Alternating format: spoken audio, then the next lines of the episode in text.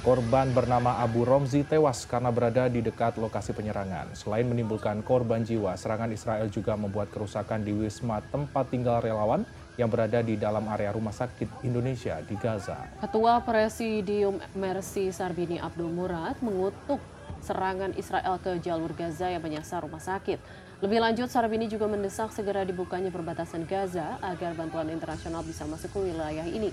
Seperti yang diketahui, serangan udara Israel merupakan balasan dari serbuan ribuan roket yang ditembakkan kelompok Hamas ke wilayah Israel pada Sabtu lalu.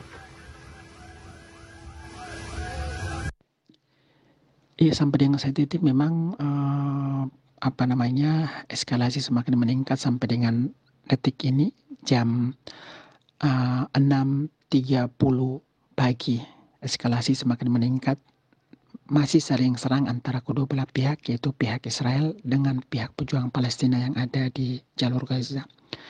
Pasca jatuhnya uh, rudal ke uh, rumah sakit dan mengenai satu kendaraan serta menewaskan satu staf lokal orang Gaza di rumah sakit Indonesia, uh, pihak Kementerian Kesehatan tentunya mengecam dengan adanya serangan rudal pihak Israel ke rumah sakit Indonesia karena kita tahu sendiri rumah sakit Indonesia ini adalah dibangun hasil keringat hasil cinta kasih dari masyarakat Indonesia untuk masyarakat Palestina yang ada di jalur Gaza.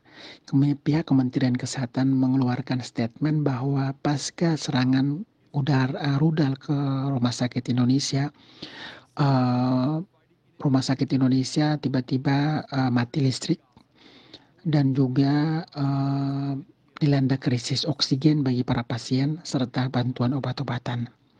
Perlu sampaikan bahwa memang uh, sudah lebih dari 16 tahun wilayah Gaza di bawah blokade oleh pihak Israel dengan demikian terjadi krisis uh, krisis luar biasa. Salah satunya adalah krisis obat-obatan, krisis pangan, krisis air bersih, krisis listrik, krisis krisis bahan bakar minyak sampai dengan detik ini.